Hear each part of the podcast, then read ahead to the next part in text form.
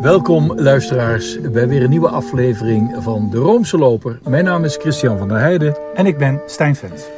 Ja, Stijn, ik dacht, eh, ik ga maar weer eens die openingstune van stal halen. Luisteraars, die kent u nog wel voor onze wedergeboorte. Openen we daar altijd mee. Die komt uit Roma, een prachtige film van uh, Federico Fellini. Daar zit een, eh, een scène in en dan laten ze een kerkelijke modeshow zien. Met een echte catwalk, hè. En er worden allerlei, allerlei prachtige dessins en allerlei prachtige creaties worden getoond voor priesters op het platteland. En het, is, het, het eindigt in een soort extase waarin Pius XII in een soort glorierijk licht binnen wordt gereden. Ja, is, en die is, scène ja. die, uh, die kwam in één keer in jou op ja. toen jij in kerkelijke kringen vertoefde en wel in Rome. Vertel. Ja, dat was uh, in, in de Maria Maggiore. Daar, de Nederlandse bisschoppen waren in Rome natuurlijk voor het Adlimina bezoek. En droegen op de derde dag van dat bezoek uh, de mis op in de Maria Maggiore. En wel in de Borghese kapel. Daar hangt ook die beroemde icoon van Maria. De Borghese kapel waar in 1964 prinses Irene... Um, het, het kerkelijk huwelijk werd ingezet van prinses Irene en Karel Hugo. Nou, ze liepen dus vanuit de sacristie liepen ze uh, dat, hele, die hele, dat hele schip door van de Maria Maggiore. En ze droegen, en dan kom ik bij de kerkelijke modeshow, ja, een soort, uh, uh, met goud af, afgezette kazuivels. Met daarin in blauw Maria-accent de, de Maria-letter M. En achteraan kwam de hoofdcelebrant, dat was Jan Hendricks, bisschop van Haarlem Amsterdam. En die droeg ja, een soort, nou niet een soort, hij droeg een blauwe Maria-mijter ik zou bijna zeggen, het was haute couture, maar dan kerkelijke haute couture. En helemaal volgens de laatste kerkelijke mode. Eh, volgens de laatste kerkelijke haute couture, ja. ja. Nou, we gaan het, eh, luisteraars, uh, hebben over het Adlimina bezoek. Stijn, jij was daarbij. Ik niet. En ook niet onze gast. Uh, ik noem hem gast, maar eigenlijk is dat onzin. Want we zitten hier bij jou, uh, Peter, tussen de boeken in Nijmegen. Peter Nissen, welkom. Dank je. Ja. We zitten in jouw kelder. Ja, dankjewel. Ja, we, zitten, we, zitten tussen de boeken opgestapeld. En ik ben bang dat als ik één boek aanraak, de hele boel instort en wij onder de bibliotheek van Peter worden bedolven. Ja, dus jouw, jouw eh, brein staat een beetje in staat van alarm. Ik uh, kijk de hele tijd naar de uitgang. Ja. Peter, wat, zit, wat is dit voor een enorme boekenverzameling? Ja, ik, ik ben mensen die mij bijvoorbeeld volgen op Facebook, die weten dat, dat ik een eh, enorme uh, boekenliefhebber ben en heel veel lees. Uh, zeker nu ik met emeritaat ben aan de universiteit. Um, en ja, wat je hier om je heen ziet, dat is kerkgeschiedenis, uh, en een aantal theologische handboeken en naslagwerken. Lexicon voor Theologie en Kirch enzovoort staat daarachter ook. Een oude katholieke encyclopedie die ook nog altijd wel de moeite waard is. Ik ben enorm verzot op naslagwerk, op dingen waar je iets in kunt opzoeken. Zoals bijvoorbeeld ook het Annuario Pontificio, dat soort mooie... Ik, ben, ik vind heel erg dat de telefoongids niet meer bestaat. uh, en het spoorboekje niet meer bestaat. Um, en, en verder in huis op andere plekken bevinden zich de boeken uh, Nederlandse literatuur, romans en dichtbundels. Uh, de theologie die staat voor een groot deel in de slaapkamer, omdat dat bevorderlijk is voor een goede nachtrust.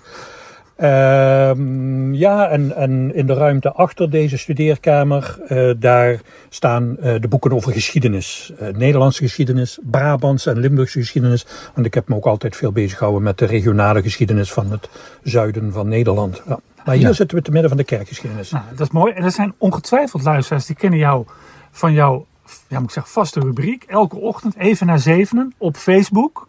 Schrijf je die ook hier? Nee, soms wel, maar meestal schrijf ik die toch in de huiskamer. En dat is boven, even voor de luisteraars. Want mijn studeerkamer is in het souterrain van het huis. Het, ons huis ligt eigenlijk tegen een helling aan. Dus er zit een verdieping meer in dan je van de straatkant af ziet. En dat is mijn domein, zal ik maar zeggen. Uh, maar uh, hier heb je, omdat het uh, een souterrain is, maar weinig daglicht. En sinds ik met emeritaat ben, heb ik een beetje als mijn vrouw, die jonger is en nog werkt, als die niet thuis is, heb ik de huiskamer toch maar in beslag genomen als de plek waar ik overdag lees en schrijf. Want daar heb ik daglicht en dat is toch prettiger dan deze kamer die dan toch af en toe een beetje op een monnikscel lijkt. Voor de luisteraars die niet weten wie Peter Nissen is, wie is Peter Nissen? Peter Nissen is uh, kerkhistoricus, theoloog, uh, hoogleraar geweest aan de Universiteit in Nijmegen en ook in Tilburg. Uh, met verschillende leeropdrachten, maar vooral kerkgeschiedenis, spiritualiteitsstudies. En mijn laatste leeropdracht was ecumenica, dus de, de verhouding tussen de verschillende christelijke tradities. Ehm, en ja, mijn hele leven ben ik eigenlijk op allerlei manieren met de kerk bezig geweest. En heb ook uh, in de ogen van sommige mensen misschien hele avontuurlijke keuzes gemaakt. Dus ik ben twaalf jaar uh, betrokken geweest bij de Remonstrantse Broederschap.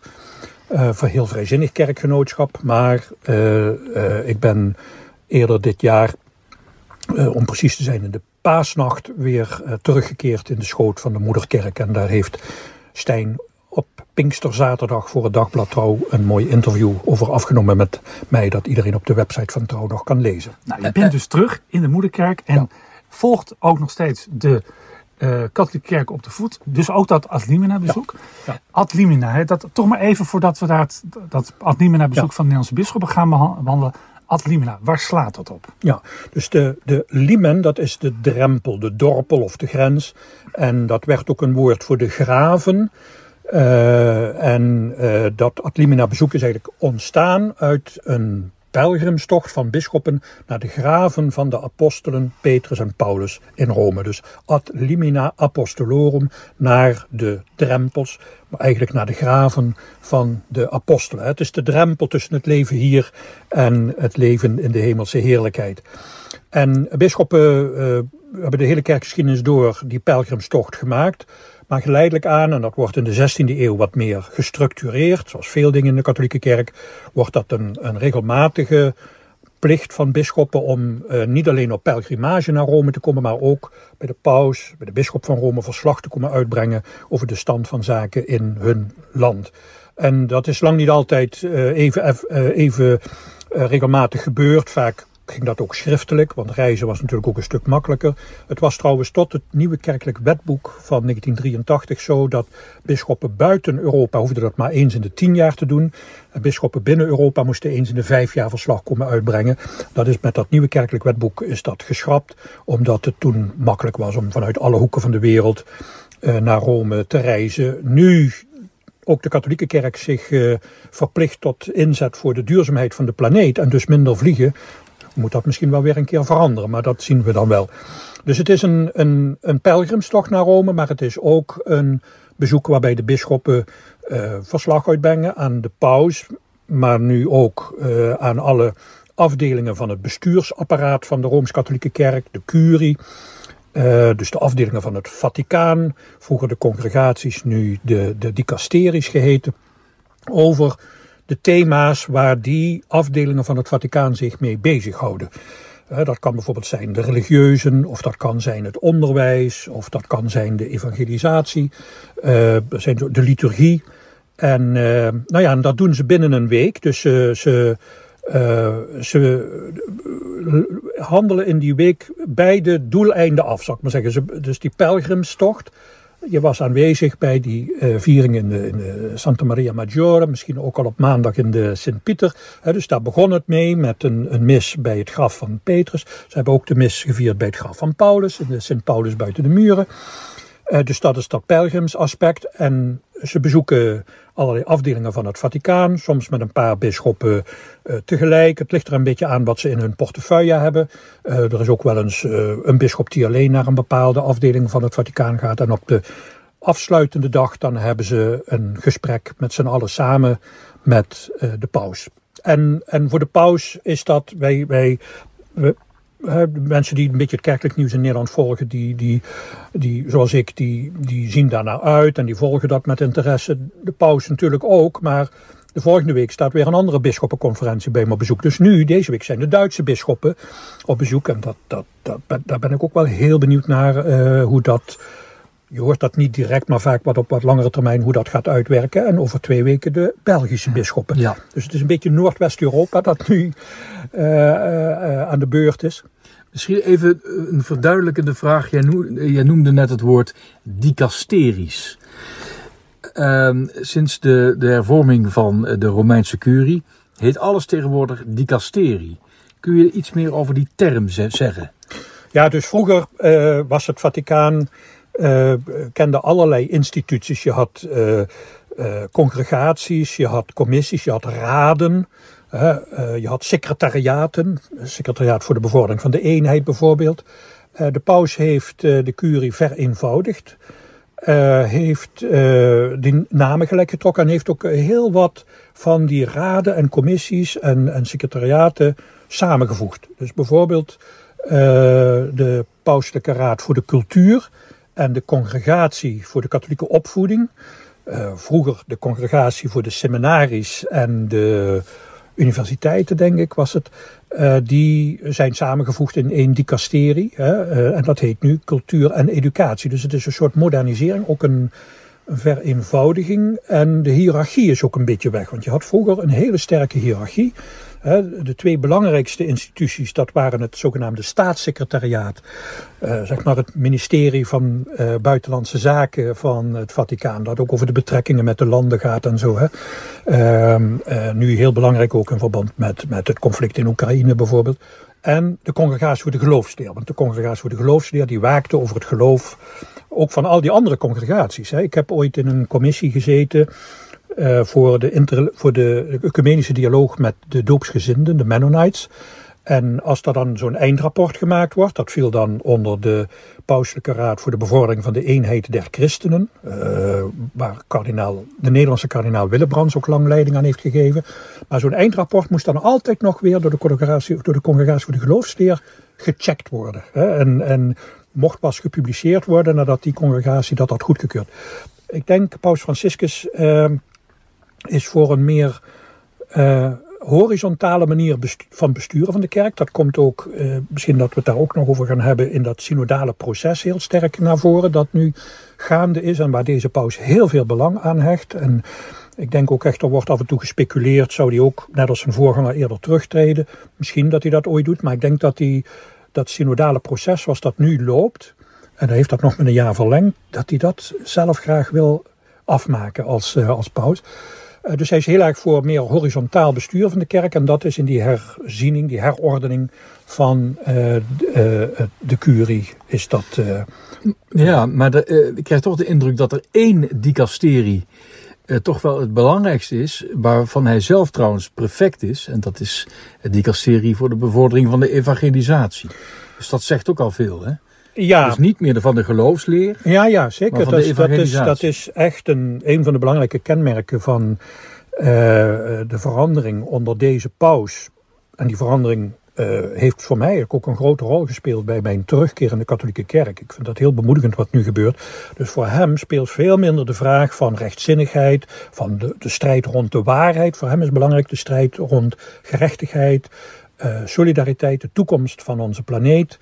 Uh, een, een, een, pastorale inzet. Hm. En, en hij vindt dus evangelisatie niet in de klassieke zin, zou ik maar zeggen, van zieltjes winnen, maar evangelisatie in de, in de betekenis van het verbreiden van de blijde boodschap, het euangelion, het evangelie, het verbreiden van het goede nieuws in de wereld, dat vindt hij heel belangrijk. En dat is ook de boodschap die hij bij die ad limina bezoeken van bisschoppenconferenties, er zijn geloof ik zo'n 115 bisschoppenconferenties in de wereld, dus de paus is daar, uh, die, die allemaal om de vijf jaar, dat doen ze allemaal niet, want de Nederlandse bisschoppen zijn voor de laatste keer negen jaar geleden geweest. Maar je ziet dat vult een groot deel van zijn agenda. Maar ik heb een aantal van die, die toespraken uh, gelezen van ad limina bezoeken van de laatste maanden. En de teneur is eigenlijk bijna altijd hetzelfde. Uh, wat hij ook bij de Nederlandse bisschoppen gezegd heeft. Houd moed, hou vol. Hè, laat je niet ontmoedigen met dat idee van de wereld is tegen ons en we worden steeds kleiner. Want de boodschap die wij te brengen hebben, die heeft betekenis voor de wereld. Dus ga naar buiten. Dat is eigenlijk steeds een boodschap. Ga naar buiten. En dat past bij die evangelisatie. En uh, ja, het is toch, moet je zeggen, een soort einde aankondiging van een einde van het Ratzinger-tijdperk. Want eh, kardinaal Ratzinger, paus Benedictus XVI, die was eigenlijk al heel lang, voordat hij paus werd, eigenlijk al de baas onder de Poolse paus. Want hij was de prefect van die congregatie voor de geloofsleer. Dus dat is echt een, uh, een, een, betekenisvolle verschuiving. Ja. En, die... en, en, toch gebruiken ze dan uh, het oude Griekse woord voor rechtbank, mm -hmm. dikasterie. Ja. Dikaios is, is, is rechtvaardig, ja. recht. Ja. Waarom is dat? Waarom dan niet een, een, een eigen tijdsige term voor zo'n departement? Ja, dat weet ik ook niet wat daar de doorslag bij gegeven heeft. Maar kijk, voor deze, dus als je inderdaad naar de oorsprong van het woord gaat kijken, zeg je zeer terecht, dikaios, dat heeft met rechtvaardigheid te maken. En dat is voor deze paus hè, is dat ook een, een heel centraal woord in die hele evangelisatie. Het gaat hem om een wereld van vrede en rechtvaardigheid. En niet zozeer een, een wereld waar waarheid in de zin van doctrine voorop staat. Uh, ja, dus je ziet dat altijd. Jullie kennen allebei ook die wereld van de curie goed. Dat is natuurlijk ook een institutie met een eeuwenoude traditie. En daar ga je niet heel snel hele hippe, moderne namen opplakken. ik zou ook niet zo direct een alternatief weten, trouwens, voor dicasterie. Wat, Het ja. is even wennen. Hè? Maar, maar gaat het nu volgens jou eerder om orthopraxie dan om orthodoxie? Ja, ik denk dat je dat goed zegt. Dus het gaat er eerder om dat het, het goede gebeurt. Uh, dat beklemtoont deze pauze ook, ook steeds. Uh, in plaats van dat nou uh, iedereen de maat genomen moet worden of die wel recht in de leer is. Hè. Er zijn onder deze paus, ik, ik, heb dat toch, ook toen ik remonstrant was, ben ik dat toch heel ijverig blijven volgen. Ik maar heel weinig procedures tegen theologen geweest. Terwijl die in het, in het Ratzinger-tijdperk, hè, nou ja, we weten het allemaal nog wel, allerlei bevrijdingstheologen uit Latijns-Amerika, theologen uit Azië die uh, de dialoog zochten met Hindoeïsme en Boeddhisme, uh, Tiso Balasoraya, noem ze maar op. Uh, allemaal Jacques Dupuy, Vlaams, Belgische, Waalse moet ik zeggen, Jezuïeten. Allemaal problemen in die tijd gehad met, met de congregatie voor de geloofsleer de laatste tien jaar heb ik eigenlijk niks meer gehoord van. Uh, ook daar is een nieuwe man aan de top. Hè. Nog allemaal mannen, maar uh, de verwachting is dat vrij snel, met name bij de congregatie voor de religie, of het dicasterie voor de religieuze, dat een vrouw aan het hoofd zal komen van dat dicasterie. Want dat heeft deze paus ook mogelijk gemaakt. Het zijn allemaal kleine dingen, maar toch betekenisvolle veranderingen. Dus deze paus heeft gezegd bij die herziening van, van de curie er hoeft niet per se een kardinaal aan het hoofd te staan. Het hoeft ook niet eens per se een priester of een bisschop te zijn. Het kan een leek zijn en het kan ook een vrouw zijn. En uh, daar wordt ernstig rekening mee gehouden. Hij heeft al in het secretariaat voor het synodale proces vrouwen op belangrijke posten benoemd. Uh, verwachting is dat uh, als ook bij de, de dicasterie voor de religieuze een nieuwe, nieuw iemand aan de leiding komt, dat dat een vrouw zal zijn. Waarschijnlijk wel een zuster, een religieuze, maar toch een vrouw. Hè? Um, dus dus uh, uh, ja, voor, voor, voor deze paus uh, is, is heel belangrijk dat, dat die instellingen in het Vaticaan eigenlijk bemoedigend zijn en niet meer, niet meer beoordelend. Heel veel mensen hebben dat vroeger ervaren. als al die instanties in de curie, als, die houden die in de gaten en, en die melden zich als er, als er iets niet deugt. Hè? Nou, ja, Stijn, ik, ik weet al wat jij gaat zeggen. Nou, zeg nou, ja, dat, dat woord, daar sla ik ook meteen op aan. Bemoediging. Ja. Dat, dat woord is zo vaak... Dat woord is zo oh. vaak gevallen. Uh, uh, uh, van tevoren al. Hè. de bisschoppen moesten natuurlijk een rapport inleveren. Dat was somber van toon. Ja. Hè, dus de, wat, het, hart, het, het hart was, stond op het laatst. Maar dat waren eigenlijk de kerncijfers. Nou, die waren om te huilen, om het zo maar mm. te zeggen. kerkgang in twaalf jaar gehalveerd. De, do de doop was zelfs met twee derde teruggebracht. Ja. Um, daarnaast gaven ze een verslag van wat ze allemaal deden. Keurig op een rijk, een, een beetje een ambtelijk verslag. Jij noemde dat ad limina rapport, wat de Nederlandse bisschoppen naar Rome hebben gestuurd, lui en visieloos. Uh -huh. Kun je uitleggen waarom, het, waarom je dat vond? Ja, dus uh, um, als je het vergelijkt met de vorige rapporten, dan zie je om te beginnen dat uh, in die hele ambtelijke weergave, bijna chroniekachtige weergave van, uh, van wat er gebeurde. Dus dat daar, uh, dat is later ook toegegeven door de, door de voorzitter van de bisschoppenconferentie, 10% gewoon letterlijk gekopieerd is uit het vorige rapport, uit 2013. Hè, dus dus eh, dat, dat is gewoon, ja, het wordt natuurlijk ook verleidelijk gemaakt met eh, moderne eh, digitale eh, eh, Copy-paste. eh, manier van, van Paste. tekst verwerken. Hè. Eh, eh, je kopieert, je knipt en je plakt. En, en, eh, ehm, maar dat wordt tegengesproken door de korte. Ja, de korte. Ik ben, ik ben bij die persconferentie geweest. eh, een paar dagen voordat ze naar Rome vertrokken. Eh, en toen werd gezegd dat het maar om 10% ging. ja, ja. Ja, Maar het is nog Maar altijd 10 procent. Hè. ja. Dus dat. dat eh, ehm, en, en in sommige gezinnen, dus het is ook heel slordig gebeurd. En dat, dat, daar, daar kan ik niet goed tegen. Dat kan ik bij studenten niet goed tegen, maar ik vind het bij Bisschop al helemaal niet eh, passen.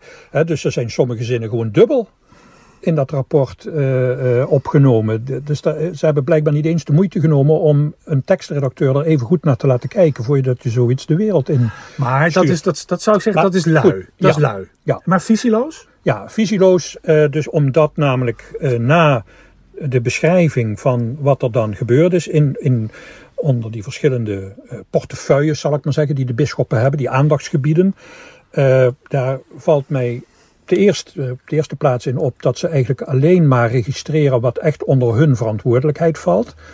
Ehm, dus dat betekent dat er bij sommige rubrieken heel weinig te melden is, maar er gebeurt toch van alles. Maar dat blijft blijkbaar buiten hun vizier. Als je ehm, eh, de paus en de instanties van het Vaticaan wilt informeren over wat er gebeurt in katholiek Nederland, dan moet je niet alleen, vind ik, kijken naar wat onder bisschoppelijke verantwoordelijkheid gebeurt. Bijvoorbeeld als het om jongeren gaat of om onderwijs gaat. Maar dan moet je breder kijken. Er gebeurt van alles. Eh, dat eh, bijvoorbeeld in de voorbereiding over het synodaal proces staan er vier zinnetjes in het rapport. Er wordt geen enkele melding gemaakt van het feit dat het netwerk katholieke vrouwen, vroegere Unie Nederlandse katholieke vrouwenbewegingen, eh, dat die een, een, een grootscheepse eh, eh, enquête gehouden hebben met een enorme respons. dat de religieuzen dat ook gedaan hebben, de conferentie Nederlandse religieuzen. Enorme respons. Hebben we het dan over tienduizenden vrouwen? Nee, nee, maar het gaat om bijna 3000 eh, Ja, ja. reacties. Nou, dat vind ik voor een land waar je in al die cijfers die in het rapport staan, dat zijn dus gewoon, zal ik maar zeggen, de CASCI-cijfers hè, van het Katholiek Sociaal Kerkelijk Instituut, tegenwoordig onderdeel van de Radboud Universiteit. Eh, dat, waar je die teruggang ziet, dan vind ik dat toch eh, Aanzienlijk. eh, be- bemoedigend dat 3000 vrouwen de, gelegen, de, de kans hebben aangegrepen om, om naar voren te brengen wat ze eh, bemoedigend en wat ze ontmoedigend vinden. Ja, bemoedigend, daar komt het woord. eh, daar, daar is dat woord Ja. weer. Dus dat visieloze, ja. daar, daar, moest, daar, daar hebben we het nog niet over gehad. Dus dat, dat als je dan gaat kijken wat na die rapportage komt als, als eh, plannen of beleidsvoornemens, dan, dan is dat heel mager. En dan is dat eigenlijk niks anders dan wat al 30 jaar gezegd wordt. In 1993 eh, hebben de eh, hebben Nederlandse bisschoppen ook een ad limina bezoek gebracht aan Rome. En toen was de teneur van dat rapport, werd in de media samengevat als Nederland missieland. Wij zijn missieland geworden. Eh, in 2003 hebben ze een ad limina bezoek gebracht. Toen noemden ze zichzelf in de persconferentie, ik weet niet meer welke bisschop het in de mond genomen heeft, maar dat is ook niet zo belangrijk. Maar in ieder geval uit hun kring kwam het beeld, wij zijn krimpmanagers. Dus de, wat nu in dit rapport staat, is, daar staat niks nieuws in. Er staat alleen maar in wat ze al 30 jaar zeggen. Dat het allemaal minder wordt, dat het allemaal kleiner wordt. Dat, dat ik zal maar zeggen, ik noem dat vaak het Calimero-effect. Wij zijn klein en de rest is groot. En eh, wat ik zou hopen is dat die bisschoppen ook eh, eh, visie zouden hebben op. We, we zien dat het oude systeem, ik vat het zomaar even kort samen, dat is een heel ingewikkelde kwestie natuurlijk, maar dat, dat stort in elkaar. Het oude systeem, de oude architectuur van de Rooms-Katholieke Kerk met de parochies, eh, in alle parochies zie je teruggang, zie je vergrijzing, zie je krimp. Jongeren binden zich niet makkelijk meer aan een kerk. eh, een aantal wel, dat zijn dan vooral toch meer orthodox georiënteerde jongeren. Maar heel veel andere jongeren zijn op zoek en er gebeuren allerlei nieuwe dingen eh, op plekken. Jongere mensen zoeken kleinschalige verbanden. Dat kunnen TC-groepen zijn, dat kunnen initiatieven zijn zoals het Jongerenklooster. eh, dat zijn vaak eh, eh, koren of gespreksgroepen. maar niet meer zozeer die oude institutie van de parochie. En dat staat er dus niet in. Nee, en, en dat ik heb het rapport niet, nog niet gezien van de Duitse bisschoppen, maar ik weet dat in verschillende Duitse bisdommen echt actief beleid eh, ontwikkeld wordt. Ik weet het van het bisdom Hildesheim. dat is een van de Duitse bisdommen waar, eh, ja, eh, net als in Paderborn bijvoorbeeld ook, en het bis- bisdom Limburg, dat zijn bisdommen die echt heel goed nadenken over er moet iets anders komen. En daar moeten we vooral ruimte aan bieden. We moeten niet restrictief zijn, ook niet bang zijn. We moeten dingen laten, kleinschalige initiatieven laten ontstaan. In het bisdom Hildesheim is het, is het beleid om ehm, eh, niet eindeloos te blijven investeren in het overeind houden van de oude parochiestructuur. Met alles wat erop en eraan hoort te zitten. Een, een kerkbestuur, een, een parochiële Caritas-instelling. eh, eh, nou ja, heel die, de bestuurlijke eh, dingen eromheen. In het bisdom Hildesheim gaat men echt bewust eh, nieuwe initiatieven eh, die eh, niet door het bisdom bedacht worden, maar die spontaan opkomen, gaat men stimuleren. Men gaat het beleid er ook op zetten. En, en, en daar is, wordt ook het idee ontwikkeld bijvoorbeeld om aan eh, mensen die uit zo'n geloofsgemeenschap voortkomen, die talenten hebben, die eh, eh, een, een begaafdheid laten zien, bijvoorbeeld op het vlak van het voorgaan in de liturgie, om die, de- de- daar ook bevoegdheden in te geven. En dat had jij eigenlijk van de Nederlandse bisschoppen ook wel willen lezen Ja. in dat Ja, Maar Ja. nu heb, nou, als je die bisschoppen vraagt, hè, of, of als je tegen die bisschoppen zegt, het is wel erg somber.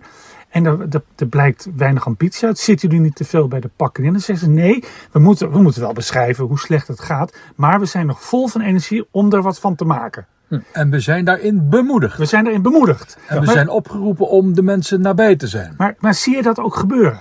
Dat ze, dat ze niet bij de pakken neerzitten. Ehm, nou ja, dat moeten we natuurlijk afwachten. Dus, Ja. dus nu, nadat dat Limina bezoek, ik heb ook verschillende interviews gezien met, eh met bisschoppen en, en gelezen. En eh, ehm, eh, kijk, ik vond die boodschap van de paus,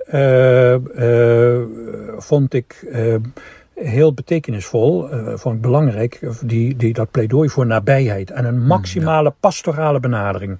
Wat zien we bij de Nederlandse bisschoppen toch heel snel, niet bij alle, maar bij een aantal Nederlandse bisschoppen, niet zozeer een pastorale, maar een doctrinaire benadering. Er wordt gekeken, ben je wel zuiver in de leer? Bijvoorbeeld eh, als, het om gaat, als het gaat om de LHTB-gemeenschap, als het gaat om dingen in de liturgie enzovoorts. Wordt al heel snel gekeken, eh, eh, past dit wel binnen de regels? Terwijl de paus eigenlijk zegt, eh, plaats de pastorale benadering voorop en wees nabij bij mensen. Het beleid in een aantal Nederlandse bisdommen is, bijvoorbeeld in het aartsbisdom, is er blijven nog maar een paar plekken over. Die heten dan eucharistische centra. En de mensen moeten dan maar uit de hele omtrek eh, naar die plek op zondag toe gaan om daar de Eucharistie mee te vieren. Wat in een aantal Duitse bisdommen gebeurt, is zeggen: het is heel belangrijk dat de kerk dicht bij de lokale gemeenschap blijft. En dat kan. Dat zal dan kleiner moeten. Dat zal ook niet elke zondag Eucharistie kunnen zijn. Maar het is wel belangrijk dat mensen op de zondag kunnen samenkomen om te vieren. Dus maak ook ruimte voor andersoortige vieringen. Wat zie je in Nederland gebeuren? Eh, De aartsbisschop kondigt aan dat er over een paar jaar geen woord- en communievieringen meer mogen zijn. Nou, over die woord- en communievieringen kun je van alles over denken. Eh, maar ik denk dat het belangrijk is dat. Er zijn ook, de liturgie is zo rijk, die heeft zoveel mogelijkheden. Dus er is, ik vind de Eucharistie heel Als de belangrijk. liturgie gevierd wordt zoals die bedoeld is. Maar er zijn natuurlijk ook heel veel experimenten die. Nee, maar je zou bijvoorbeeld, op, je zou, eh, bijvoorbeeld in de parochies veel meer kunnen aansluiten bij de traditie van het getijdengebed. Hm. Dat was een inzet van het Tweede Vaticaans Concilie om dat getijdengebed, dat wij vooral kennen als breviergebed van de priesters, om dat weer terug te geven aan de kerkgemeenschap. Het is het gebed van de gelovigen. Eh, dat is eigenlijk niet uit de verf gekomen. Eh, ik denk nu met eh, hè, de, de kleinere beschikbaarheid van priesters, dus de afnemende mogelijkheid om Eucharistie te vieren, dat zou eigenlijk een uitgelezen kans, uitgelezen kans zijn om elementen uit dat getijdengebed, bijvoorbeeld op zondagmorgen een mooie viering van de Lauden, van het morgengebed, of op zondagmiddag een mooie vesperviering in een. En dat, dat hoeft dat kan ook in een kleinere ruimte. Hè. Veel kerkgebouwen in Nederland, dat is natuurlijk een heel ander probleem nog. Maar er zitten veel kerken in, in, in heel Europa mee. Dat die gebouwen veel te groot zijn geworden, veel te duur in het onderhoud. Nou, samen eh vespers bidden kun je ook in een, in een, in een, in een kleinere ruimte. Hè. En, en, en desnoods bij iemand thuis. Zo is het Ja. ooit begonnen. De eerste Ja. drie eeuwen is er in huiskerken gevierd. Ja. Even terug naar het Adlimina-bezoek. Ja. Ehm, dus een, een somber rapport. Ehm, dat hebben ze naar Rome gestuurd. Ze gaan naar Rome toe uh, met z'n allen. Uh, jij kent Rome goed. Hoe wordt er heden ten dagen in Rome naar de Nederlandse kerkprovincie gekeken? Ik kan me een tijd herinneren, volgens 1977, Paulus VI. Toen waren Gijzen en Simonus net uh, benoemd, orthodoxe bisschoppen. Toen kregen de andere Nederlandse bisschoppen op hun donder, om het zo maar te zeggen, van Paulus VI. We leven nu, nou wat is het, bijna 45 jaar later. Hoe kijken ze in Rome nu aan tegen die die bisschoppen uit dat, ja, zou ik bijna zeggen, arme Nederland. Ja, dus ik, ik denk dat die, die beoordeling eigenlijk uh, uh, radicaal omgeslagen is. Dus Nederland was toen een probleem, ook de Nederlandse bisschoppen, omdat ze in de ogen van Rome te veel te vooruitstrevend waren, veel te veel toelieten, uh, omdat ze niet samenwerkten. dat laatste is een probleem wat nu ook nog wel bestaat maar dat is, voor wie een beetje van de kerkgeschiedenis weet, een probleem van alle tijden. Heel veel bisschoppen hechten erg aan de autonomie van hun bisdom. Maar als je, als je ziet, om dan maar even een zijpaadje te bewandelen, hoe moeilijk het is om de Nederlandse bisschoppen tot samenwerking te brengen op het punt van de priesteropleiding. Ze willen allemaal hun eigen seminarietje met op de ene plek uh, allemaal studenten uit India en Sri Lanka. En op de andere plek twee studenten in Nederland, Sint-Jan Centrum bijvoorbeeld. Uh, maar het is, het is heel moeilijk om op, op dat punt al samen te werken. Dus dat, dat, dat is wel gebleven. Maar uh, in de jaren zeventig kregen ze er flink van langs, omdat ze toen in de ogen van Rome uh, Paus Paulus VI, uh, ook de curie-kardinalen van die tijd veel te vooruitstrevend waren. Nu is het eigenlijk eerder omgekeerd. Er is echt een verandering in de curie. Als je gaat kijken naar de mensen die deze paus in de laatste jaren benoemd heeft, op die verschillende congregaties, nu dicasteries.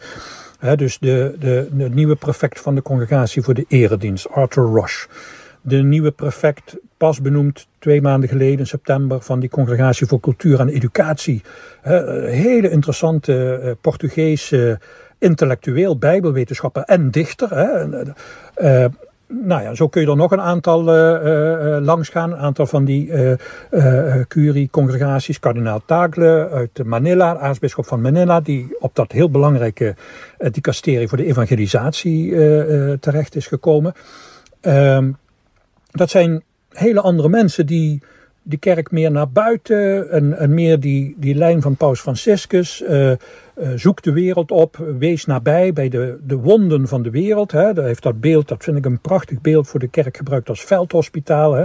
Dat is niet een UMC met alle hypermoderne apparatuur, maar daar worden wel de eerste wonden geheeld. En ben je dicht bij waar de klappen vallen, zal ik maar zeggen, dicht bij de wereld. Hè. Dus eigenlijk wat jij zegt is dat, dat Rome nu vooruit, een beetje vooruit loopt op Nederland. Ja, dus nu doet zich eigenlijk de situatie voor dat die Nederlandse bisschoppenconferentie uh, die voor het merendeel, voor het overgrote deel bestaat uit bisschoppen die door de vorige twee pausen benoemd zijn, dat die eigenlijk veel behoudender zijn dan uh, een aantal mensen aan de top van die dicasteries in, in Rome. Dus nu is Nederland opnieuw een zorgenkind, maar eerder in een ander opzicht. Er, er, de, de bisschoppen durven weinig. Als je het gaat vergelijken met de bisschoppen in België, de bisschoppen in Duitsland, die durven misschien wel zoveel dat Rome daar ook een beetje zenuwachtig van wordt. Want de Duitse bisschoppen, heb ik wel begrepen, die gaan pleiten voor de uh, toelating van vrouwen tot de wijding, tot het diaconaat in Rome. Hè. Dat is een kwestie die al heel lang speelt. Die in Duitsland al uh, bij een synode in de jaren 70, de beroemde Würzburger synode, 1975 geloof ik, is dat al eens aangekaart. Dat is dus... Uh, Hoeveel jaar zijn we verder? Dus 40 jaar, uh, 50 jaar bijna in de la blijven liggen. Maar nu gaan ze dat weer aankaarten.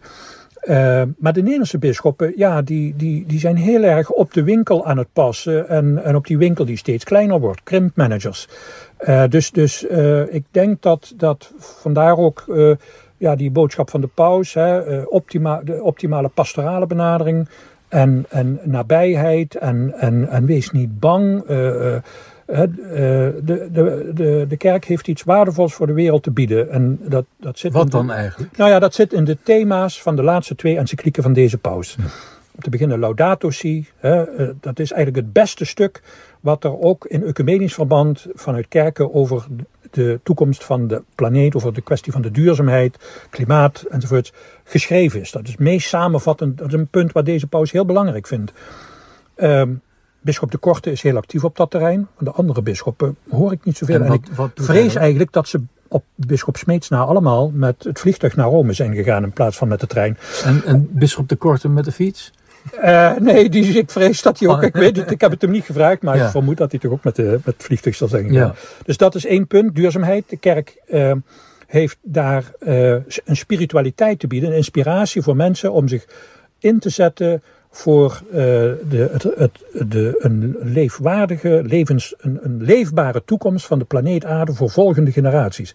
En dat, is, dat vraagt van je dat je bereid bent over je eigen belang heen te, te, te, stappen en na te denken over generaties die na je komen. Dat is iets wat niet vanzelfsprekend is, maar waar een, een, een bijbels religieuze visie op, uh, op de aarde, op de, ons gemeenschappelijk huis, zoals de paus het noemt, van belang is. Dus daar heeft de kerk iets te bieden. Inspiratie. Niet de techniek, zal ik maar zeggen, voor het oplossen van alle duurzaamheidsvraagstukken, maar wel de inspiratie voor mensen om zich daarvoor in te zetten. En dus mm -hmm. te zoeken naar die. Het andere punt, dat is de tweede encycliek, de laatste encycliek, Fratelli Tutti.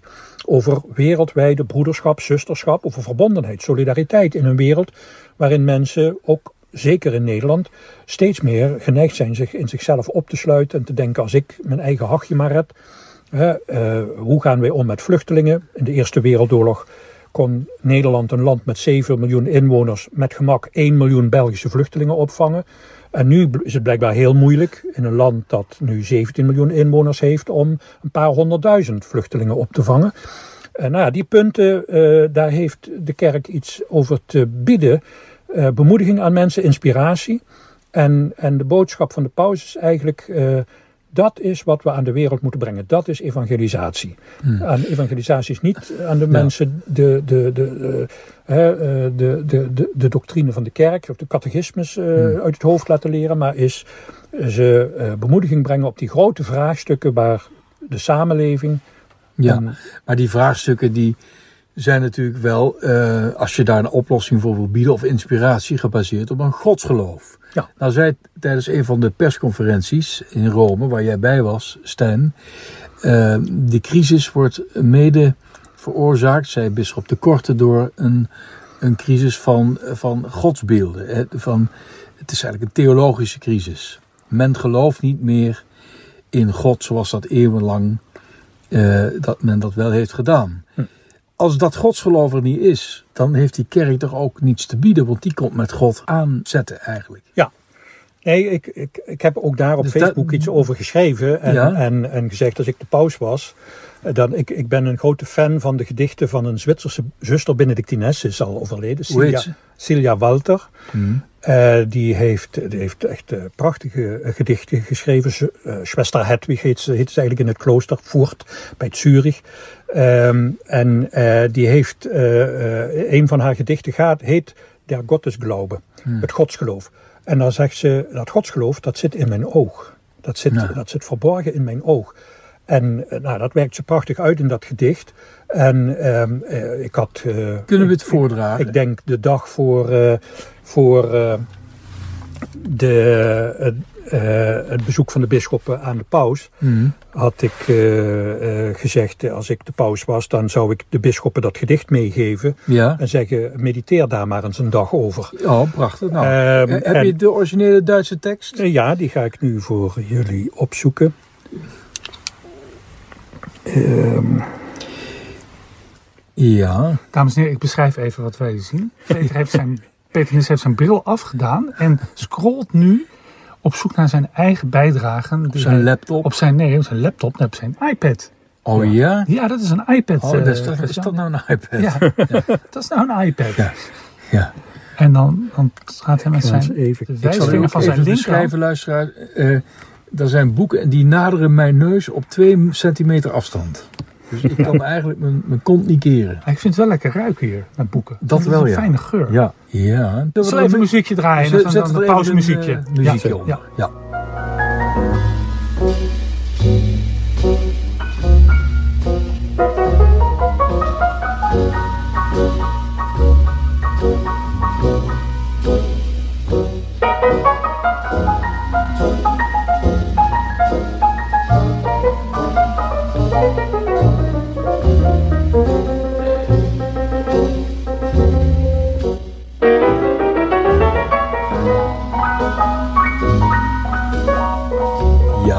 En je hebt hem gevonden, Peter? Ja, ik heb het gedicht gevonden van Silja Walter. En eh, dat gaat als volgt in het Duits. En dat moet je eigenlijk bij poëzie moet je eigenlijk niet, uh, niet willen vertalen. Der Gottesglaube. Der Gottesglaube sitzt in meinen Augen. Zusammengerollt. Ein Regenbogen. Zusammengerollt. Falls die Nacht über dich kommt, sagt er. Eingerollt sitzt er im Dunkel der Augenkapseln. Die sind aber voll bis oben von schwarzem Licht. Zum Sprung bereit sitzt er da, falls die Nacht fällt über dich, sagt er. Es eilt aber gar nicht damit. Mein Gott, lass ihn nicht los. Es eilt gar nicht. Längst ist die Nacht da und füllt mir die Augen bis oben mit dir. Nou, schitterend.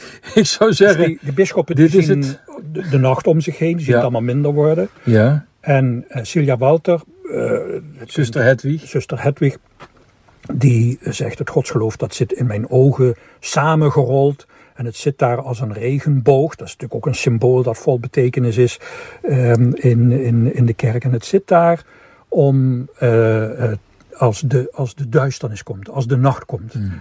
En, en uh, zum Sprung bereit zit er daar. Hè? Dus als de nacht over mij heen valt, dan zit dat godsgeloof daar om eruit te springen. Nou, dat is een gedicht. Ja, we mogen het woord misschien niet meer gebruiken, maar vol bemoediging. Hè? Ja, ja. Uh, en ook uh, nabijheid. Ja, ja.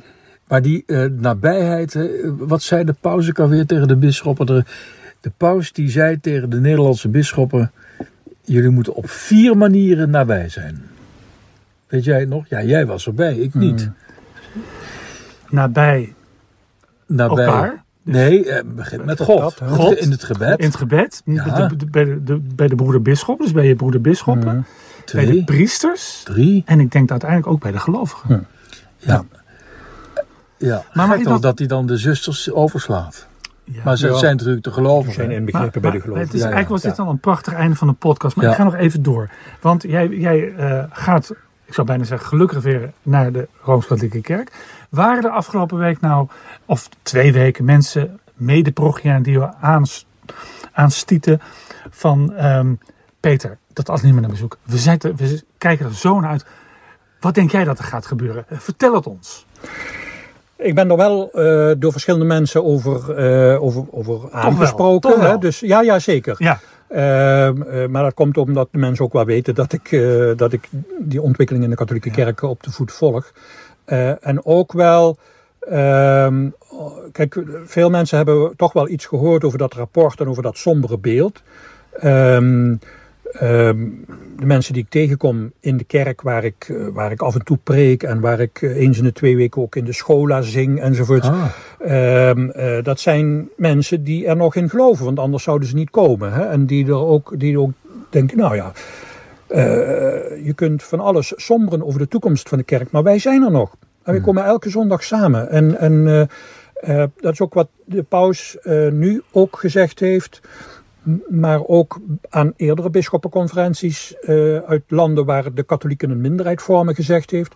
Ook een kleine minderheid kan krachtig zijn. Die hm. kan iets voor de wereld betekenen. Die kan zout, uh, zout zijn in, in, in, de, in de aarde. Hè. Maar dan moet je het wel willen. Maar dan moet je het wel willen en dan moet je ook bereid zijn om naar buiten te gaan en niet je met elkaar uh, in de sacristie of in de kaplanie of waar dan ook opsluiten om te gaan zitten kniesoren dat het allemaal minder is. En dat vind ik een beetje de teneur van het rapport van de bisschoppen. Het is, de, de aantallen zijn inderdaad fors teruggelopen. Maar, maar, bedoel je dan erop uitgaan, de wereld in, dat men dan meer in talkshows moet gaan zitten of meer opinieartikelen moeten schrijven in, in kwaliteitskranten? Nee, ook dat zouden de bisschoppen meer moeten doen. Want of, dat laten ze nu eigenlijk. Een sinaasappelkistje gaat staan. Dat op het, laten op ze nu eigenlijk over aan anderen. Hè? Ja. Uh, dus, maar ja, altijd wel dezelfde. Ja, ja, dus Antoine Baudard is een soort onbezoldigd uh, woordvoerder van de katholieke kerk in Nederland geworden. Maar dat is ook kunnen worden omdat van de bisschoppen, behalve uh, bisschop de Korte, er maar weinigen zijn die, die dat ook durven om in een praatprogramma aan te schuiven. Maar ik denk, uh, dat is allemaal mooi voor de bühne. En uh, uh, dat is ook niet zo heel belangrijk. Wat belangrijk is, is dat die kerk ter plaatse naar buiten gaat. Dus nabijheid, net als de paus, vind ik dat ook heel belangrijk. Natuurlijk moet je ook aanwezig zijn in, in de media. en dat ook op een eigen tijds- en uitnodigende manier. Ja, waar komen de bisschop in Nederland mee in de media als ze een, een, een, een, seksboek schrijven? Hè? Zoals de aartsbisschop Pas. wat, wat van, naar ik, ik heb er een paar pagina's van gezien. Dat is bijna van pornografisch gehalte, zou ik zeggen. Je ehm, bedoelt op het, eh, het boek van kardinaal Eijk? Ja, ja over uh, seksualiteit en, en huwelijksmoraal ja, ja. enzovoort. Ja, over de liefde, hè? De, is, staat dat niet in de titel? Ja. ja. Uh, kijk, wat, wat ik vooral belangrijk vind is dat de kerk ter plaatse erop uitgaat. Dus dat, die, dat mensen laten zien door inzet in de wijk, in de buurten. Er is een enorme behoefte bij mensen aan kleinschalige verbanden. Mensen, alle grote instituties hebben, niet alleen de Rooms-Katholieke Kerk, die hebben last van, van krimp. Hè. Dat geldt ook voor de politieke partijen, voor de vakbonden, voor de omroepen. Al die grote instituties, die, die, die weten mensen, vooral jonge mensen eigenlijk niet meer te, aan zich te binden. Maar wat jonge mensen en ook ouderen vooral opzoeken zijn kleinschalige verbanden. Ehm, uh, leesclubs bijvoorbeeld. Hè? Buurtfeesten. Ook hier in de buurt, een paar keer per jaar hebben we een padfeest. Met het pad dat achter ons huis loopt. En dat, dat zijn laagdrempelige, kleinschalige verbanden. En ik denk dat de kerk ook meer die kant op moet. Dus voor de mensen is de kerk nu dat is heel groot, een wereldkerk en machtig. En, hè, en, en, uh, met leiders met Franse adellijke titels. ja. Daar word je toch ook helemaal gek van. En, bij, die, bij die monzuur, die monzuur, die. blauwe man, de blauwe mijters. Ja, ja. Uh, de kerk moet vooral ter plekke in de plaatselijke gemeenschap nabij zijn en daar zich inzetten voor, voor. En dat kan met allerlei initiatieven. Laatste vraag. Stel, jij wordt door het volk uitgeroepen tot bisschop. Petrus Episcopus, hè, wat toen gebeurd is met Ambrosius van Milaan. Ja. Wat zou dan jouw motto zijn? Uh, wees niet bang. Wees niet bang.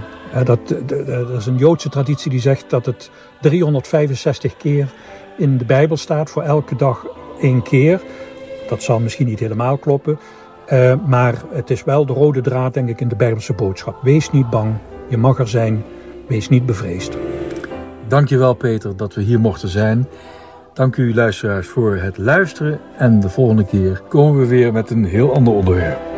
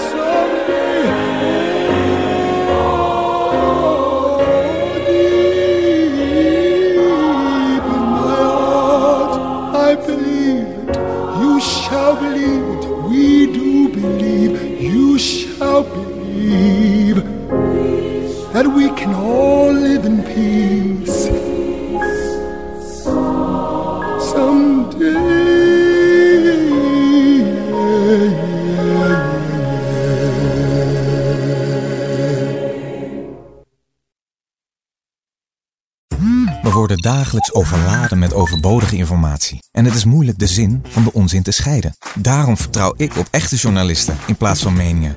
Een krantenmens heeft het gemakkelijk. Word ook een krantenmens en lees je favoriete krant nu tot al zes weken gratis. Ga snel naar krant.nl. Bezorging stopt automatisch en op deze actie zijn actievoorwaarden van toepassing.